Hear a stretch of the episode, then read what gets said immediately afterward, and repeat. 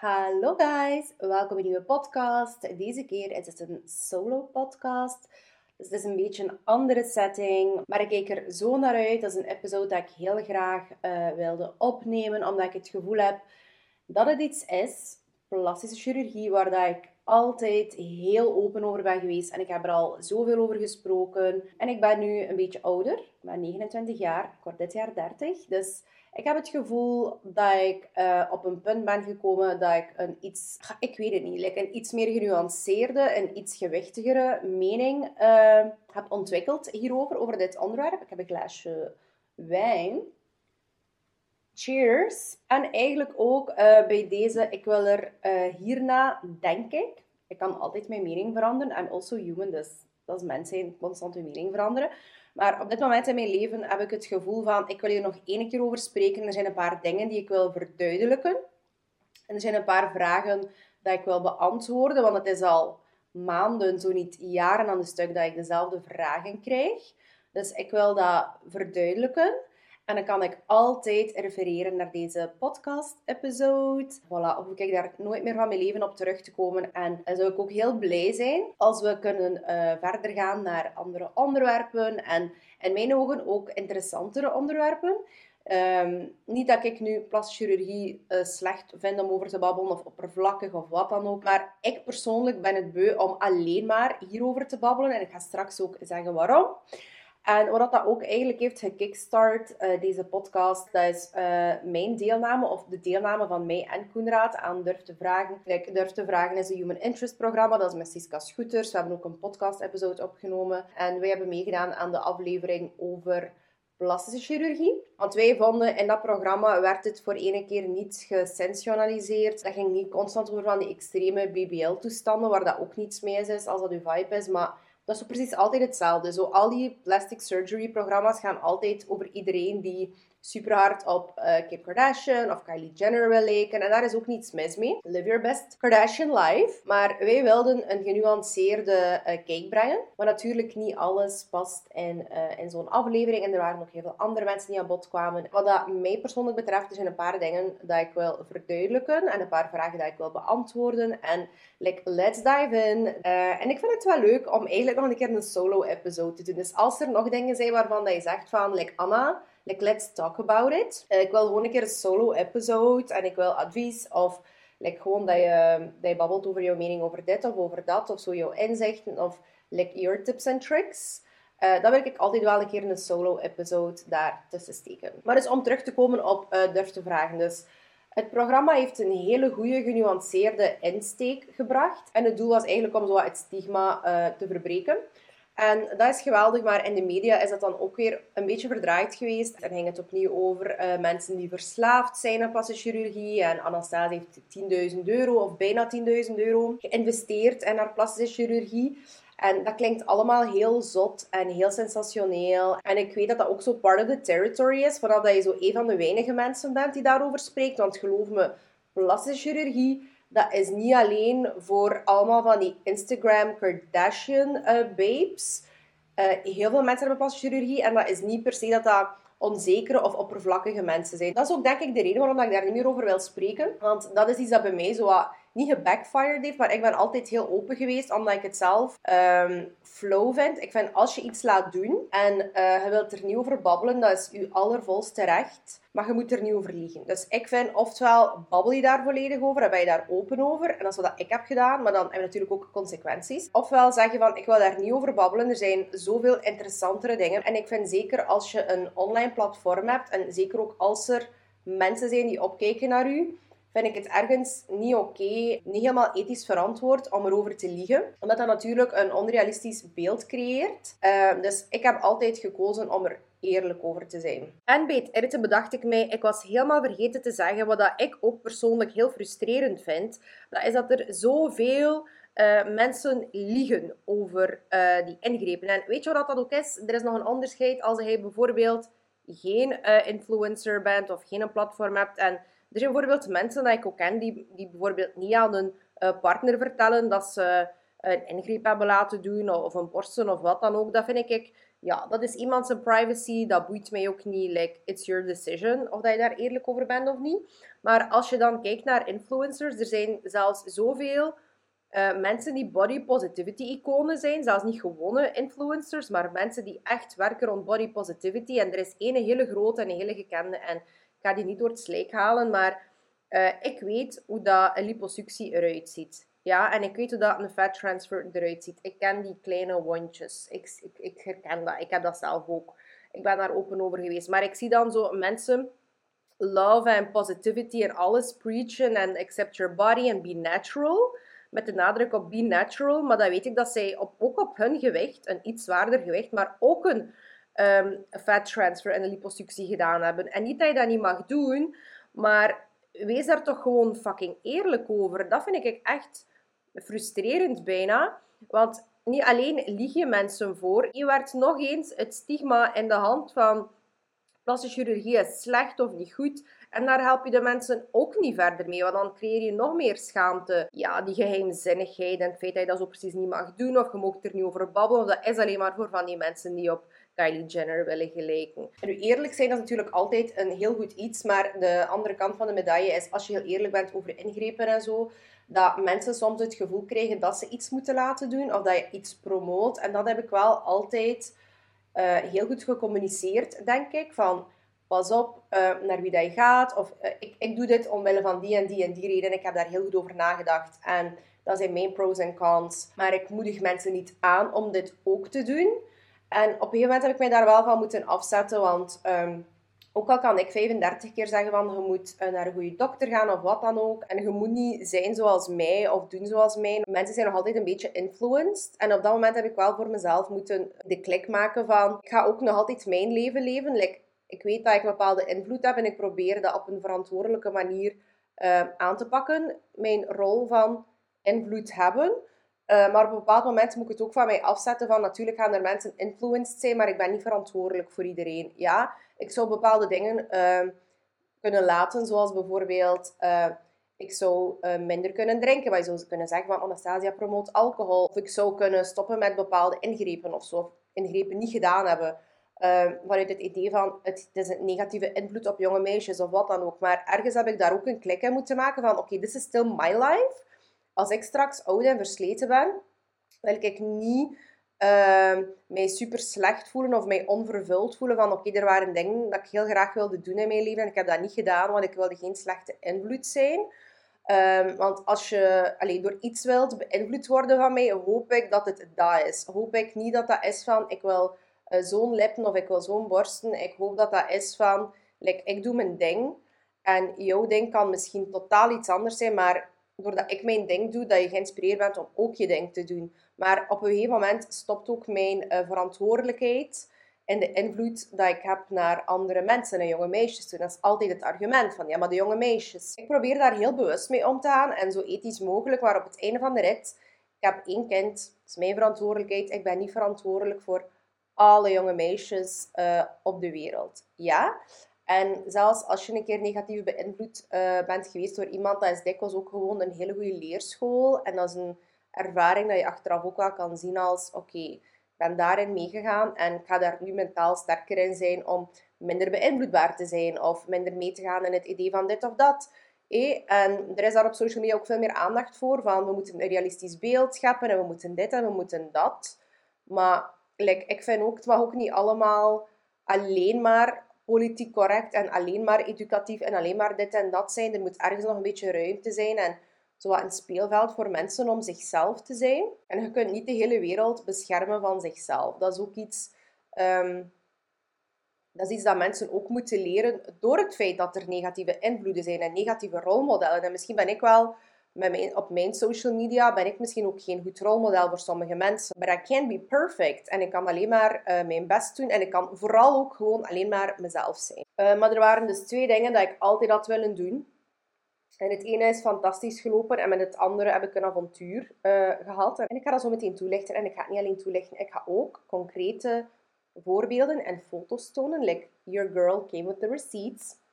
En ik ga verwijzen naar bepaalde vlogs, omdat ik niet alles in deze video kan knippen en plakken. En als je de podcast luistert zonder beeld, ga je altijd gaan kijken op YouTube. Dan heb je ook wat beeldmateriaal erbij. Maar dus de twee belangrijkste ingrepen dat ik het eerst heb gedaan, dat is uh, een beetje lipfiller. En ik ben gestart met een heel klein beetje lipfiller in mijn uh, bovenlip. Uh, en ik was toen begin de 20 jaar. Ik denk toen 21 of 22. Ik was ook net alleen gaan wonen. Ik heb er ook zo wat voor gespaard. En had er ook heel veel stress voor van, ga ik het doen, ga ik het niet doen? En toen had ik wel enorm die angst van, uh, ach, like, mensen gaan... Uh, nu ben ik naturel. En veel mensen vinden mij een knap meisje. En uh, ik had zowel die onzekerheid als 21, 22-jarige van...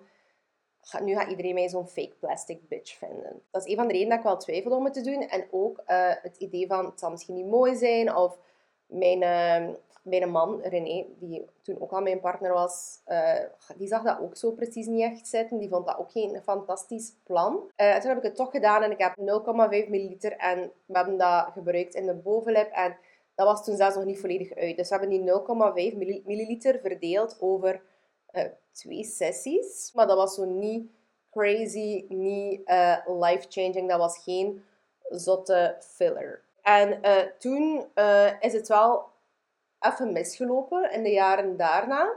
Maar ik kan nu wel zeggen, ik ga zeggen wat er misgelopen is, ook heel veel filler laten oplossen. En ook bij verschillende dokters. En ik ga daar straks over spreken. En er is een reden dat ik nooit meer van mijn leven, of zeg nooit nooit, het kan zijn van wel, maar ik wil niemand recommendaties ooit nog geven naar dokters of zo toe. Want zelfs met de dokters dat ik dan goed vind, of wat dan ook, is er iemand anders die verkeerd mee vaart. En ik heb daar geen zin in om zo ergens dat verantwoordelijkheidsgevoel te hebben van iemand heeft iets laten doen en uh, dat is op aanraden van mij. En dat is, oké, iedereen is altijd verantwoordelijk voor zichzelf, maar ook gewoon van, ik heb erover nagedacht voor mezelf van, uh, waarom heb ik daar zo een raar gevoel over dat ik niet echt nog dokters wil uh, recommenden.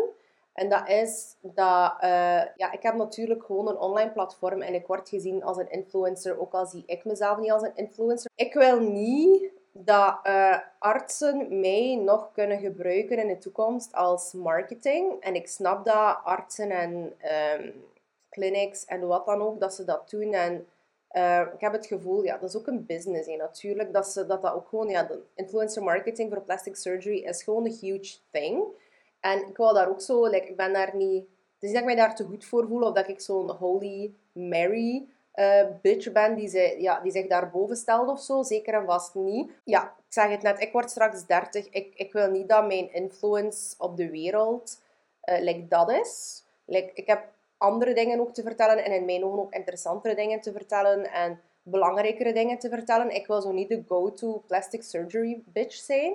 En plus, als je dan toch zo, alleen moest ik dat toch zijn, zo'n go-to beauty broker person die zo de goede dokters aanraadt. Ik vind niet dat ik daar genoeg kennis over heb. Ja, ik heb een platform en mensen zien mij als een betrouwbaar persoon. Maar op het einde van de rit, ik heb vroeger ook zelfs, ik heb zoveel geld al betaald aan extensions. Mijn haar is gefakt geweest door extensions. Maar op het moment zelf dacht ik echt van, like, this is the next best thing. En kijk, ik ben nu extensionloos. En ook al is mijn haar mega geblondeerd, het is niet fried en it's it's amazing. En like, afkijken van die extensions en ja, opdraaien voor alle gevolgen van mijn haar dat gefokt was door die extensions was huge. Maar ik had met de beste intentie like, bepaalde dokters aangeraden, bepaalde uh, extension kappers toestanden aangeraden maar, aangeraden. Maar ik ben geen expert, zie je? Like, is niet dat ik daar iets van af weet. Dus ik denk niet dat ik de juiste persoon ben om daarin advies te geven. Dus als je mij ooit op Instagram stuurt, ik snap dat je dat vraagt aan mij een bepaalde ervaring over een plastic surgery. Daarom dat ik ook deze podcast-episode maak. Maar ik kan dat niet typen in een DM. Ik heb daar absoluut geen tijd voor. Met de beste wil van de wereld, dat gaat niet. Ik zeg het, ik wil daar niet constant over babbelen. Dus als je iemand zoekt die goede fillers of botox of boobs of tummy tucks of toestanden uh, kan aanraden, it's not gonna be me. Like, ik wil dat een beetje van mij afschuiven. Misschien verandert dat ooit wel in de toekomst, maar op dit moment wil ik los van, nee, los van deze episode daar eigenlijk niet meer over babbelen. Uh, want dat vond ik ook bijvoorbeeld met die lipfillers. Zo, dat was wel cute. En ik had dat altijd al gewild, want ik heb altijd een, een, eh, een grotere onderlip gehad. Eigenlijk mijn onderlip, ja, ik ga wat foto's tonen. Mijn onderlip is altijd wel redelijk plump uh, geweest. Ik wou altijd zo wat die grotere, een iets grotere toplip, maar niet huge. Plus, nu, op dit moment heb ik minimale fillers. Het mooiste voor mij is echt ook omdat ik hier een langer stuk heb, zo mijn bovenlipstuk. Mijn zedenklank, ik kan het helemaal opblazen.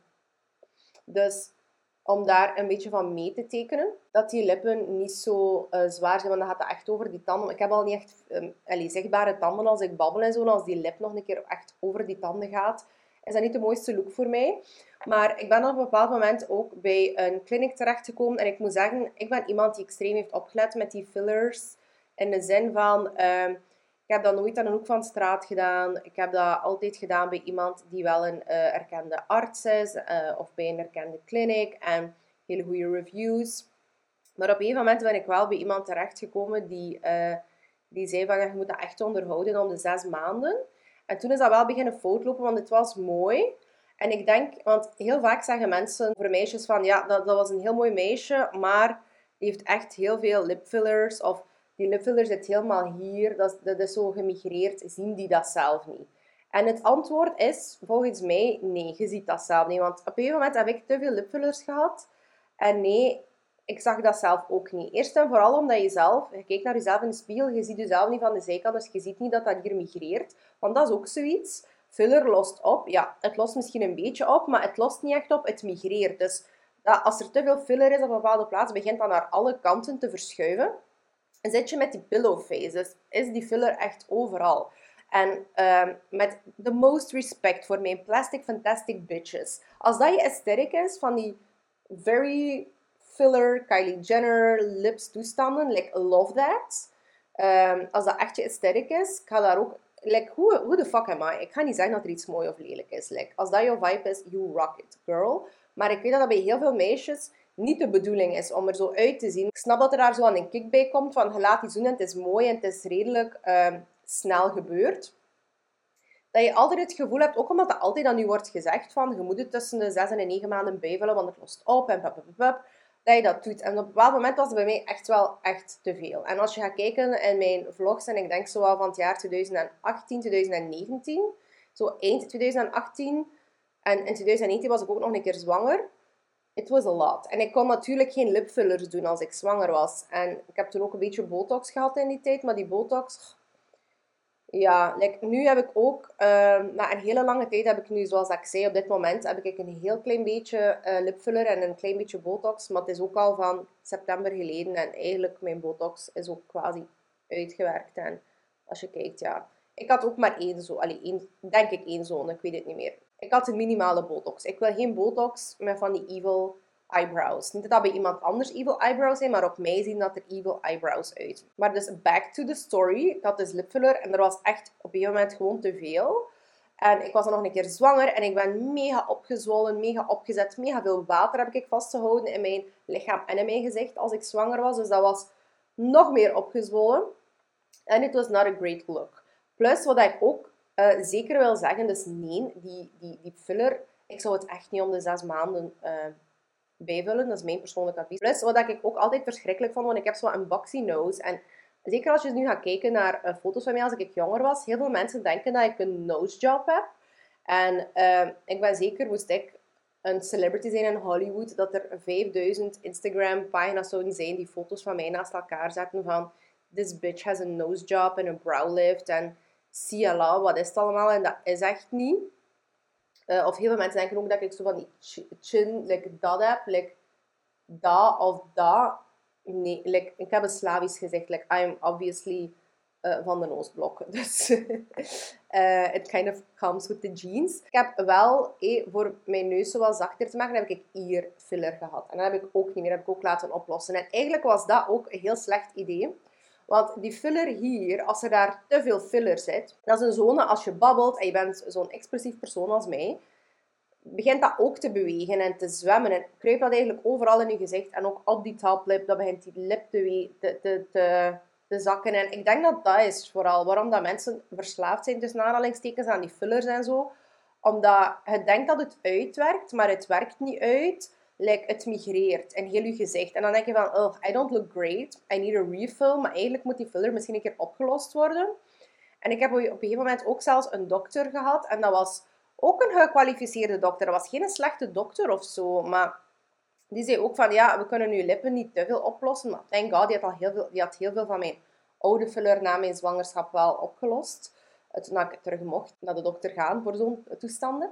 Maar uh, het kwam er dus op neer dat hij zei van, je gaat je natuurlijke collageen oplossen. En dat kan dus niet. Je kunt je natuurlijke collageen niet oplossen. It's not a thing. Dus ja, ik denk dat ik voor mijn persoonlijke liking en mijn persoonlijke beauty standard voor mezelf, dat ik wel een beetje carried away ben, ben geraakt in die periode met die fillers.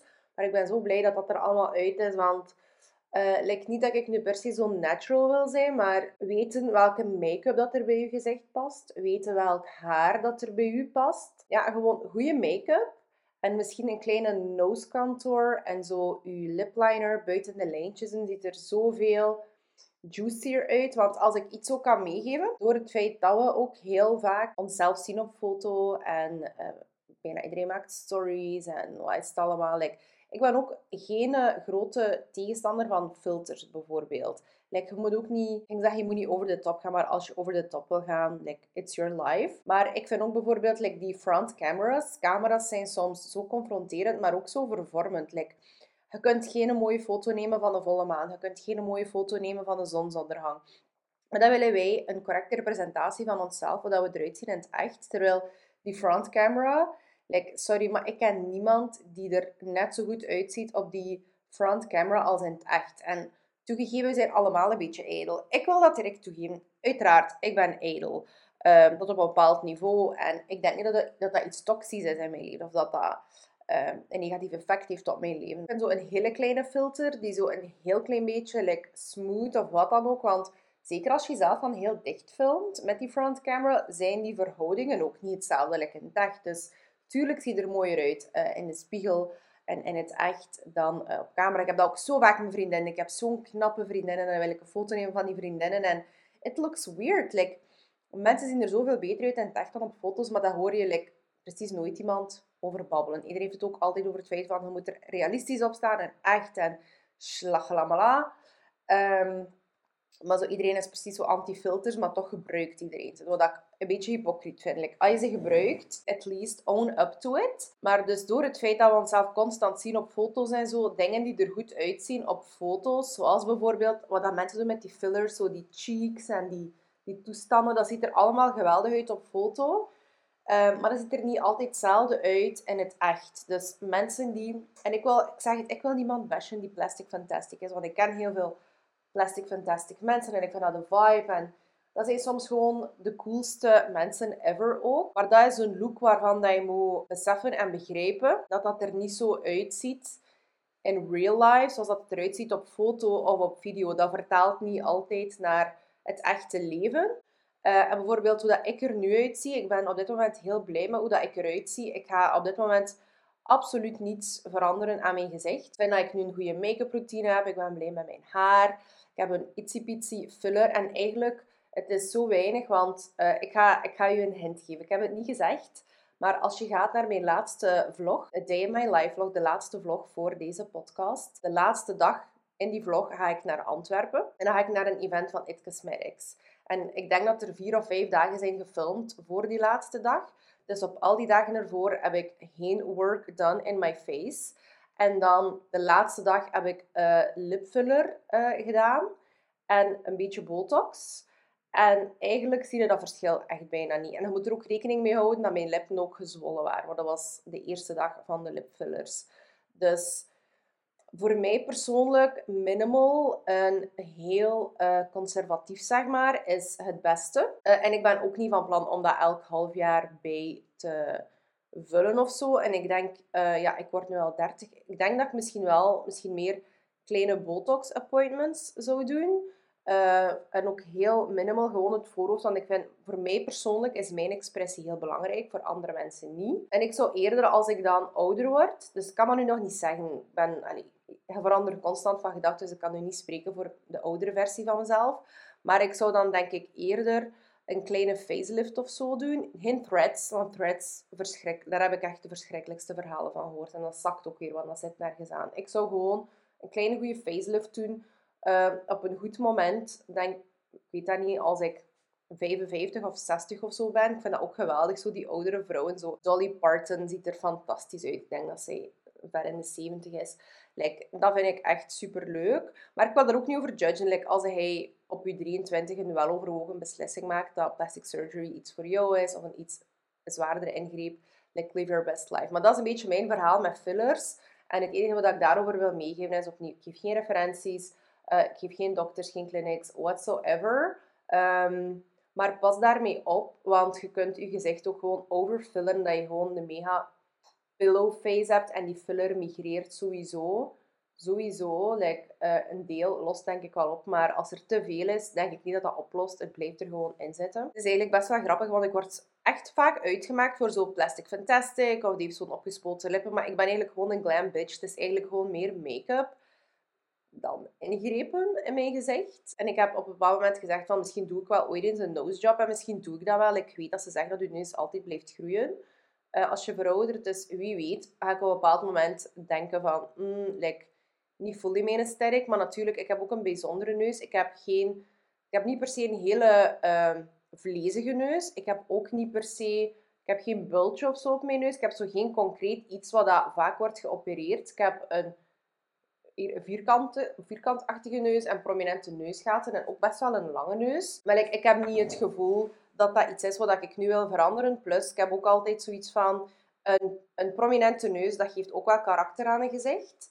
En uh, als je zo te mooi bent, al zijn zo Barbie pretty. Ik vind dat ook heel pretty, maar ik vind dat ook... Um, ik ga nu niet beginnen zagen van uh, iedereen ziet er hetzelfde uit. Nee, het is niet dat iedereen er hetzelfde uitziet. Het zijn niet alleen je looks die jou uniek maken, het is ook je innerlijk natuurlijk. Um, maar ik vind zoiets dat af is, of zoiets in je gezicht hebben vooral, dat niet mainstream is, dat zo niet iedereen heeft, dat maakt je gezicht ook memorabel. En um, dat geeft ook wat, ja, dat, heeft zo wat carrure, dat heeft zo wat karakter. Dus dat is waar dat ik sta met mijn face op dit moment in mijn leven. Dan de beste surgery ever, die eigenlijk opnieuw zou moeten gedaan worden, boob job. Ik denk dat ik mijn borsten heb gedaan een jaar of uh, vier of vijf geleden. Ik denk vijf jaar geleden intussen. En dat was de best thing ever. Ik heb daar heel goed over nagedacht. Opnieuw, niemand in mijn omgeving was echt van. Zeker mijn man niet, maar nu wel. Maar uh, ik heb daar echt heel goed over nagedacht. Like, fuck it, ik wil dat doen. Um, ik wil gewoon perky tits en een bikini en een kleedje met open rug. Like, ik had een grote B, soms een kleine C. En ik woog op dit moment... Uh, mijn laagste gewicht ooit was uh, 6, 57 kilo. En ik ben een meter 76 en ik wil wel mijn, uh, mijn lengte en ik wil wel mijn gewicht bespreken in deze video. Uh, niet dat gewicht ertoe doet of zo, maar het geeft wel een referentie, denk ik, voor, uh, voor andere mensen. En dat helpt, denk ik, ook om bepaalde body phases in mijn leven te kaderen. Maar dus, de boobs, dat is super goed verlopen. Ik had um, een Motiva-implantaat ik denk 240 of 260 cc, wat dat heel klein is. En dat zijn hele naturele implantaten. Ik heb besneden onder de borst. Mijn ouders hebben mij opgehaald. Uh, mijn operatie was ochtends. Ik was een beetje onder narcose. Ik had niks van pijn. Dus dat was, in een, dat was niet voor de spier of niet achter de spier. Dat was een soort van tussenstuk uh, ergens. En dat is ook een implantaat. Als je gaat liggen is dat rond. Als je recht staat hangt het een beetje door. Dus ik zou ook perfect mijn borstoperatie kunnen afgelogen hebben en gezegd van ik heb nooit iets laten doen. Maar echt supernatural. En ik had een, een, grote C, een kleine D. En nu heb ik wel, nu heb ik wel big tits sinds uh, mijn weight gain. En dat is ook hormonaal geweest. En ik zeg het, ik wil het niet hebben over mijn weight loss en weight gain. Omdat ik het ook heel moe ben om ook daar opnieuw over te spreken. En ik ben op een bepaald moment ook, toen ik verzwaard was, gedoopt geweest tot een of andere body positive queen. En nu ben ik ook uh, afgevallen. En dat is ook zo opnieuw iets dat ik constant moet verantwoorden. Ik wil dan nog eens heel duidelijk zeggen, ik moet mij niet verantwoorden. Eigenlijk moet ik niks... Allee, ben ik niet verplicht om zelfs dit allemaal te delen. Maar ik wil het wel doen. Ja, ik ben heel veel verzwaard tijdens iets voor mijn zwangerschap en dan tijdens mijn zwangerschap en daarna ook. Ehm, en dat had ook bepaalde medische redenen waar dat ik niet over ga uitweiden.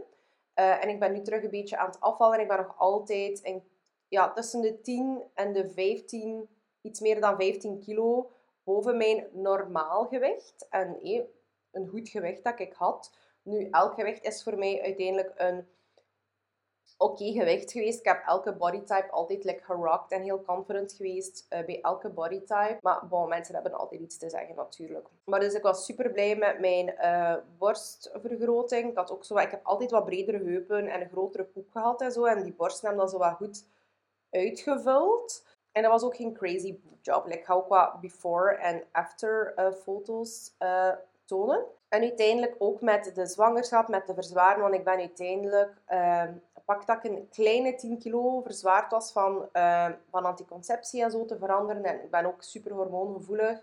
Uh, dat dat al aangekomen was. En dan eigenlijk in de zwangerschap.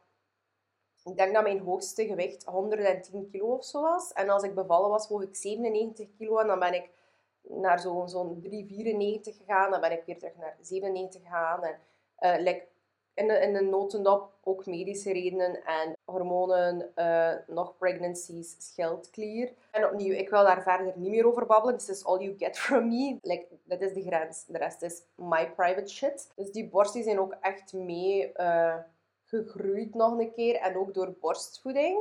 Uh, zijn mijn borsten ook echt veel meer gaan hangen. En ik ga wel, moest ik weten van nu ben ik op een stabiel gewicht, want ik wil niet een boobjob doen als mijn gewicht aan het schommelen is van links naar rechts. Ik zou wel uh, nog eens mijn borsten doen, maar uh, ik kan daar nu zo niet echt iets op plakken. Dat is niet echt een concreet plan dat ik heb in mijn leven, maar ik zou wel een lift doen. En ik weet ook niet achter een borstlift of dat ik nog borstvoeding zou kunnen geven. En ik heb een jaar en een half borstvoeding gegeven aan mijn eerste kindje. Dus ik zou het ook wel graag doen voor eventueel een tweede kindje. Maar dat is ook iets dat ik nu nog niet weet. Ik weet niet of er nog een kind komt of niet. Ik wil er ook, ook absoluut geen advies over. Uh, daar ga ik heel duidelijk in zijn. En ook zoveel mensen zeggen van... Allee, Anna, hebt toch schone borsten? En uw man is blij met uw borst. Ja, mijn man is absoluut blij met mijn borst. Maar opnieuw, ik moet mij daar niet voor verantwoorden. En ook niet ten opzichte van mijn man. Dat is mijn lichaam. En ik moet de representatie zijn van mezelf op deze wereld. Do I hate my tits? No, I don't. Totaal niet. Maar like terug perk tits would be nice. Um, en ik vind ook, ik vind het altijd zo jammer dat je als vrouw zo constant je moet verantwoorden daarvoor. En je moet zo altijd alles accepteren. En je je moet constant blij zijn met jezelf. En je moet opletten dat je geen negatief invloed bent op iemand anders. Maar dan denk ik van, eeuwenlang baren vrouwen, kinderen, dragen wij zorg voor onze kinderen. Is dat een opoffering van onszelf, van onze tijd, onze energie en ons lichaam dat wij maken voor ons gezin en voor onze kinderen. Like, als wij dat dan voor onszelf willen, like a little boob job of little boob lift, like, who the fuck is de rest van de wereld om daarop te oordelen. En tuurlijk heb ik amazing tits. Ik heb altijd amazing tits gehad en een amazing body. En ik heb mijn lichaam altijd heel graag gezien als in mijn lichaam is like mijn vessel. En door mijn lichaam besta ik in de materiële wereld. En ik zie mijn lichaam ook als een soort van vriend of vriendin. En ik probeer ook zorg te dragen voor mijn gezondheid en zo. Maar je hoeft daar geen vakje van te maken. Het is niet dat je alleen maar je lichaam graag kan zien als je heel natuurlijk bent. En dat je anders onzeker of uh, wat dan ook bent, of ondankbaar. Er zijn daar zoveel nuances. En daarom dat ik ook zo, dat ik zeg, niet fan ben van al die plastic surgery programma's omdat er heel veel van die programma's echt focussen op de, ja, soms heel vaak op gewoon een beetje labiele mensen. Uh, of mensen die dat echt wel doen vanuit een onzekerheid of een obsessie. En ook, ook ja, opnieuw, dat zijn ook gewoon amazing people waarschijnlijk. Hè? Maar dat is een heel eenzijdig verhaal. En wat ik ook wil zeggen, dat is door het feit dat ik zo open ben over mijn surgeries en zo, dat er zoveel mensen naar mij komen en open zijn over hun surgeries. En dat zijn supernaturele mensen. Dat is zelfs, ja, uw buurvrouw die eruit ziet als Doortje, bij wijze van spreken, die ook wel een keer een liposuctie aan haar benen heeft laten doen. Of uh, een of andere tummy tuck. Of die eigenlijk al jarenlang botox gebruikt. Of die een facelift heeft. Of iemand die in het jaar tobak op haar 17 jaar een nosejob heeft gedaan. Want die was super onzeker over haar neus. Maar niemand ziet dat en niemand weet dat. Zie? Um, het is meestal omdat alleen maar de very plastic fantastic mensen daar open over zijn en niet genoeg normale mensen daar open over zijn, dat je denkt van plastic surgery, dat is iets voor van die onzekere mensen die echt niet blij zijn met hun lichaam, dat er daar echt zo weer een label op wordt geplakt. Maar er zijn zoveel nuances op de wereld niet alles is alleen maar wit of alleen maar zwart. Dus dat wil ik vooral ook meegeven. En dan mijn laatste en mijn meest omstreden surgery. En eigenlijk hoort deze opnieuw bij mijn laatste standpunt van dat ik zeg van als je kinderen baart en dat is allemaal goed en wel. En je doet het allemaal met zoveel plezier. Uh, en ik ben ook heel dankbaar dat mijn lichaam zwanger kan worden en dat ik mijn kind heb kunnen dragen. En dat was in heel veel opzichten een prachtige ervaring. Maar het is in heel veel opzichten ook een helse ervaring geweest. En hotverdorie, het is echt al een sacrifice geweest. En ik heb altijd uh, bredere heupen gehad. En ik heb in verhouding ook redelijk lange benen. En als je mij opzoekt bijvoorbeeld op Google, Anastasia Chernok, en je scrolt zo wat naar oudere artikels en foto's, heb je zoveel foto's van mij als ik nog op school zat en ik had mijn blog. En je ziet dat ik groot ben met iets bredere heupen en dat ik relatief lange benen heb in verhouding met uh, ja, een, een, verhouding van mijn lichaam. En de mensen verschieten daar ook altijd van als ze mij in het echt zien van wow, jij bent groot. Maar dat is ook door die brede heupen dat mensen altijd denken dat ik klein ben. Maar ik ben een meter 76, wat dat voor een vrouw best wel groot is. En uh, ik heb altijd wel een vollere poep gehad. En ik heb nooit een hele platte buik gehad of zo. Of ik heb zo nooit abs gehad. Maar ik heb wel een relatief redelijk platte, allee, platachtige buik gehad.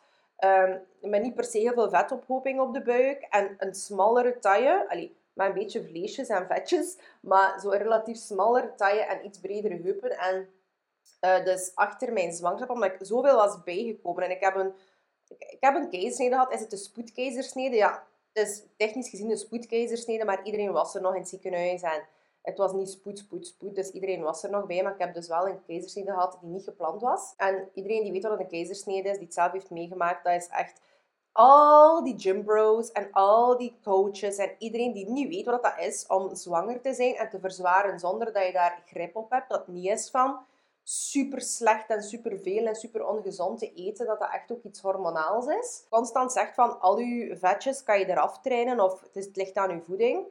Absoluut niet. Absoluut niet. Dus ik heb, uh, ik heb mijn keizersnede gehad dat ze toegenaaid hebben. En daarboven had ik echt zo een shelf. Dus ik had zo mijn buik en dat was echt zo een klein vetje daarover. Ik kan hier ook wat foto's uh, plaatsen van hoe dat mijn buik eruit zag. Uh, achter mijn bevalling, dus een paar maanden, weken slash maanden achter mijn bevalling. Maar voor mij dat was niet zo het lichaam dat ik gewend was. En akkoord, ik ben voor een bepaald deel uh, bereid om mij te verzoenen met mijn nieuw lichaam. En ik heb ook heel veel slappere huid. En ik heb ook veel meer streamen. En ik ben zwaarder op wat plaatsen. En ik heb meer solid en de whole En die, die, die armen hier die zo uh, aangetast zijn door de zwaartekracht. Ik wil mij, met, ik met heel veel dingen uh, verzoenen. Maar dat is nu iets... dat was mijn body shape dat ik zo gewend was. En ik was heel blij dat ik een uh, liposuctie kon inplannen. En dat is iets wat mij wel heel blij gemaakt heeft na die zware periode van um, een zaak combineren met uh, mama zijn. We hadden ook de bouw van ons huis. En het echt een geschenk dat ik mezelf gedaan heb van ik ga liposuctie doen. En dat klinkt ook altijd super, super extreem. Maar ik heb dus een liposuctie gedaan volledig rond, zo ook zo van achter. Ja, ik had natuurlijk door die keizersnede echt een zone vooraan, wat er echt wat een, een vetrolletje was. Maar ook gewoon overal rond, zo die, die smallere taille is zo door dat uitzetten van die buik. ik had een hele grote buik ook, dus mijn ribben en zo waren ook zo wat uitgezet. Dus dat was iets dat ik voor mezelf kon doen en ik was daar zo blij mee. En ook eigenlijk omdat ik op dat moment veel zwaarder stond. Dus op dat moment van mijn operatie woog ik denk ik 97 eh, kilo op een meter 76. En ehm, ik had, ja, natuurlijk had ik een, een grote poep, maar ik was wel gewend dat ik een hele, like, dat ik een round booty had, altijd. Want dat hebben mensen altijd gezegd van, Anna heeft de BBL, of die ligt daarover, die heeft uh, een bilvergroting gedaan of zo. Um, ja, fuck, ik ben massas eerlijk altijd geweest over alles, waarom zou ik daarover liegen? Dus ik heb wel een kleine fat transfer gedaan. En ik vind persoonlijk niet dat ik kan zeggen dat ik een BBL heb gedaan. En ik ga nu zeggen waarom. Want eerst en vooral, ik heb de ingreep in België gedaan. Ja, in België. En in België kunnen niet zo van die hele zotte dingen doen, zoals in Turkije of in uh, Colombia of waar is het allemaal. En persoonlijk, iedereen doet wat hij wil, zou ik het ook niet aanraden. Want dat is ook een van de gevaarlijkste ingrepen om te doen in zo'n land. Dat is, dacht ik, ook de cosmetische ingreep met de meeste um, met grootste risico op sterfgevallen en zo. En dat is ook opnieuw omdat ze in al die landen, die verplaatsen te grote vetmassa's. Die verplaatsen veel te veel vet naar de achterkant. En in België, wat je mag doen, is maximum, ik dacht iets als een cola blikje. Ja, dus je kunt al beginnen denken, iemand van de meter 76, die 97 kilo weegt, en het is in elke bil een cola blikje bij. En dat is al sowieso een grote poep, maar ik was gewoon minder curvaceous op dat moment. En ik wou zo wat meer die vorm daar terug in krijgen. Dat was geen crazy BBL. Plus wat je gewend bent van te zien op Instagram en in videoclips en zo al die BBL baddies. dat zijn mensen die meestal een second round gedaan hebben. Dus je doet je fat grafting, dus je liposuctie. En dan gebruiken ze een klein deeltje van dat vet in de poep. Uh, of in de borst, dat is ook zoiets. Dat is ook zoiets. Uh, mensen zeggen van, oh, ik heb naturele borsten, maar er zijn superveel vrouwen die hun borsten steeds laten uh, bijvullen met een eigen vet. Maar opnieuw, dat zijn zo van die naturele dingen dat je niet weet, terwijl dat we zo mensen en maatschappij letterlijk aan het viseren zijn. Terwijl iedereen, niet iedereen, maar echt veel meer mensen dan je denkt, doen het. Dus mijn liposuctie, je moet ook weten, als ze een liposuctie doen, maken ze onder, dus dat is dan onder je borsten, uh, boven je heupen, ik dacht ook in je navel en ook van achter maken ze zo kleine gaatjes, maar dat zijn eigenlijk geen gaatjes, dat zijn geen wondjes. Dat is zo, zo, zo klein en ze spuiten eigenlijk eerst een vloeistof in, in die laag, om dat vet vloeibaar te maken.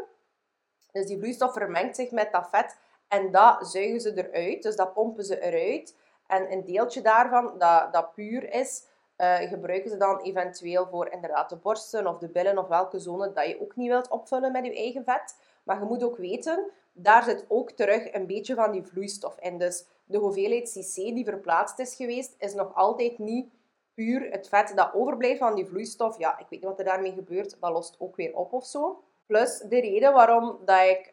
Um, ik heb daar geen spijt van dat ik dat gedaan heb, maar ook omdat ik veel afgevallen ben intussen. Want pak dat ik nu op het moment van deze opnames 81 kilo weeg. Ik ben denk ik al dat vet, en ik ga wat foto's tonen, like foto's van ervoor, hoe dat mijn billen eruit zagen. En ook, daar is superveel content van. Als je dat wilt, kan je dat opzoeken. Je kunt niet enkel terugkronen op mijn Instagram, maar vooral ook op mijn YouTube. kun je heel veel uh, video's zien uh, van kledinghauls en vakanties. En zie ook hoe dat mijn figuur eruit zag mijn billen zien er niet anders uit in, verhouding dan mijn billen nu.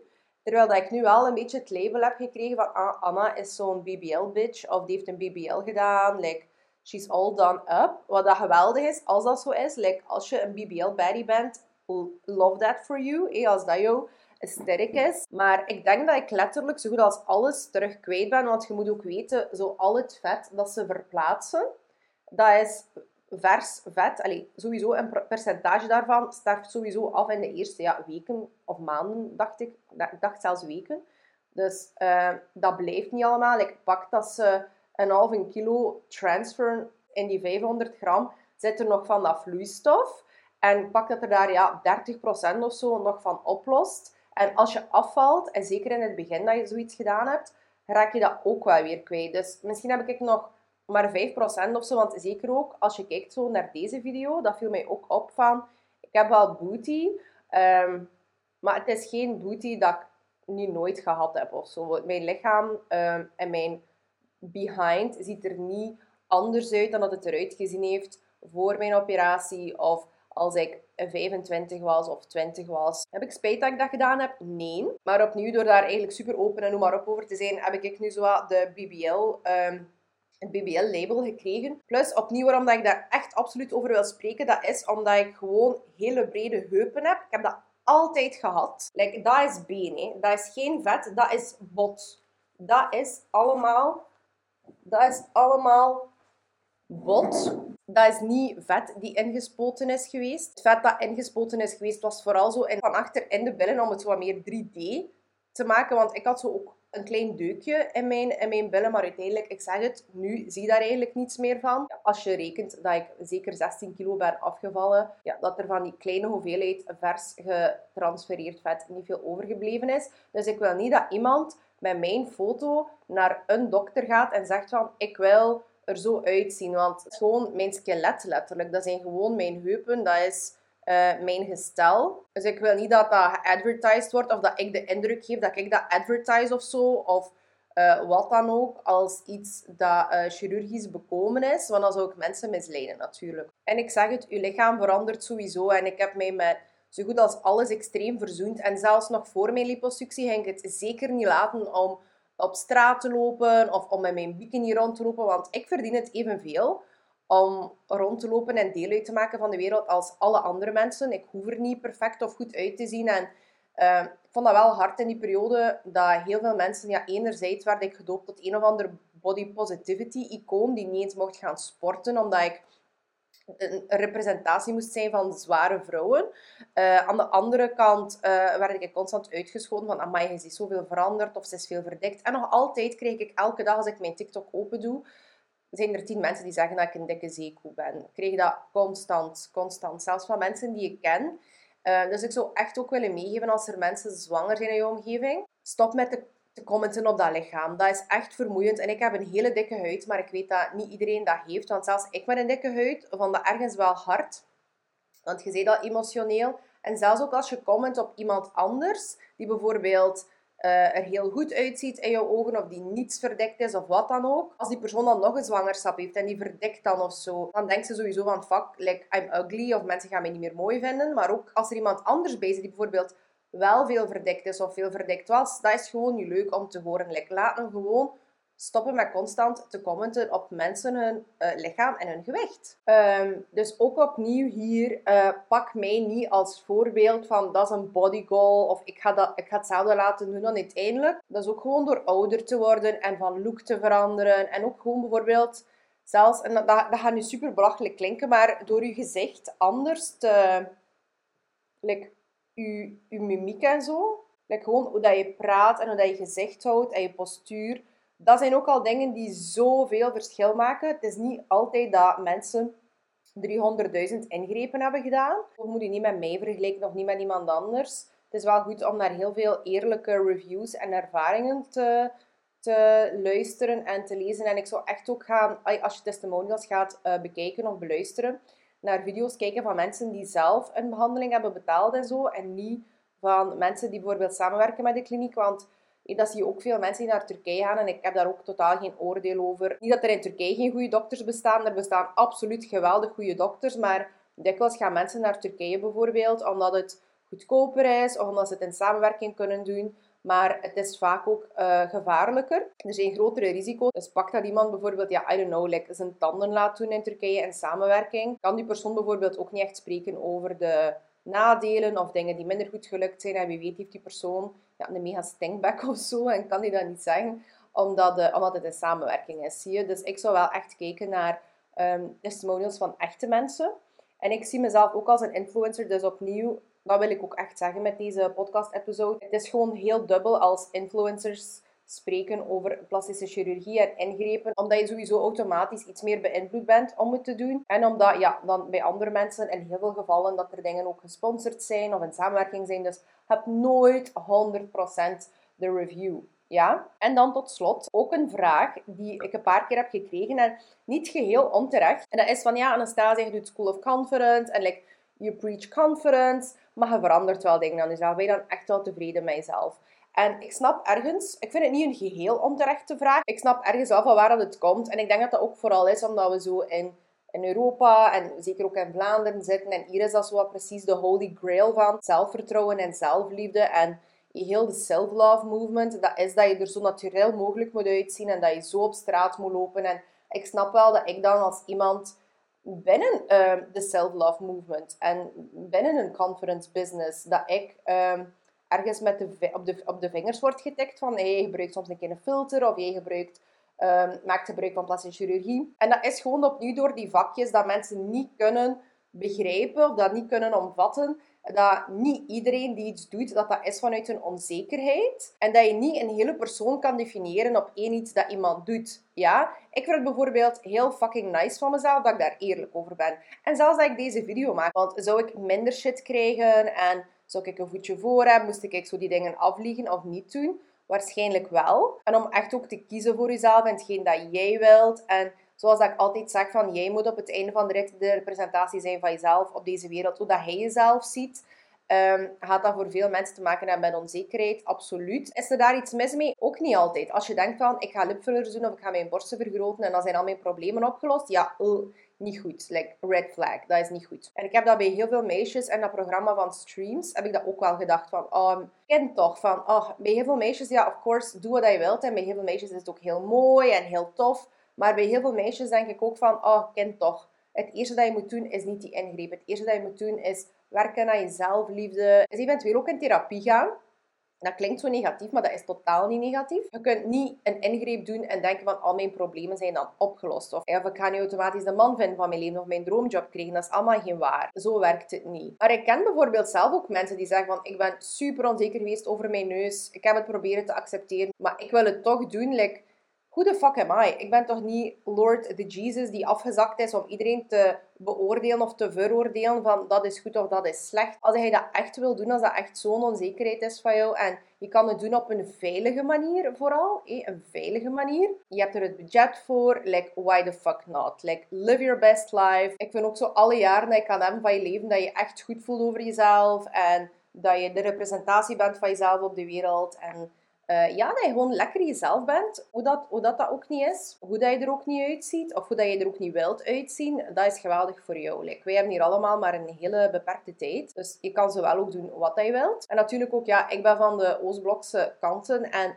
daar uh, is er wel veel meer openheid daarover. En is er ook zo een soort van respect ook als mensen daar eerlijk over zijn. En als er daar bijvoorbeeld een presentatrice of iemand die in de showbiz werkt kan zeggen van ja, uh, ik heb hiervoor gewerkt, ik heb hiervoor gespaard, ik heb dat laten doen voor mezelf, ik kan mezelf verzorgen en ik kan op deze manier uh, gracefully ouder worden. Want dat is ook zoiets. Tuurlijk is dat prachtig, iemand die natuurlijk ouder wordt. Ik vind het inderdaad wel wat toxisch in onze maatschappij dat dus ook precies niet mag ouder worden. Maar als je zegt voor mij graceful ouder worden, betekent dat ik er nog altijd fris en fruitig blijf uitzien. En dat is door middel van chirurgische ingrepen of fillers of whatever, dan vind ik dat ook heel goed. Als er een vrouw van 60 haar man verloren heeft en die heeft zware jaren achter de rug en al die rimpels en kraaienpoten en die, de, de oogleden die misschien wat meer afhangen, doen haar herinneren aan die verdrietige tijd. En ze ziet er zo wat verdrietig uit. En die voelt zich daardoor, die ziet er frisser uit en die, en die voelt daar veel frisser. Dat is toch geweldig. Maar ik vind opnieuw, dat hoeft niet altijd zo'n diepere motivatie te hebben. Het is precies zo dat mensen hun handelingen en ingrepen constant moeten verantwoorden. Door daar zo een hele zotte motivatie aan te geven van, ah ja, en nu is dat verantwoord. Um, als hij zegt van, ik wil eruit zien als Dolly Parton, dan vind ik dat ook geweldig. Dus voilà, ik ben heel blij dat ik alles heb kunnen zeggen wat ik wou over dit onderwerp. En ik ben heel blij dat we dat nu uh, kunnen afsluiten ook. Dus whatever you do, don't ask me about this ever again. Dat kan zijn dat dat misschien ooit in een podcast nog eens ter sprake komt met iemand of zo. Of op een bepaald moment dat ik daar terug weer over wil babbelen. Maar op dit moment is dit het enige. En alles wat ik daarover kwijt wil. En vergeet ook niet dat de deuren van School of Conference open zijn. 6 maart gaan we van start met een nieuwe editie. It's gonna be amazing. We zijn volop aan het plannen en like You will be blown away. Dus The Journey of a Lifetime. Dus op schoolofconference.be kan je inschrijven. En dan zie ik jou heel snel opnieuw. Bye!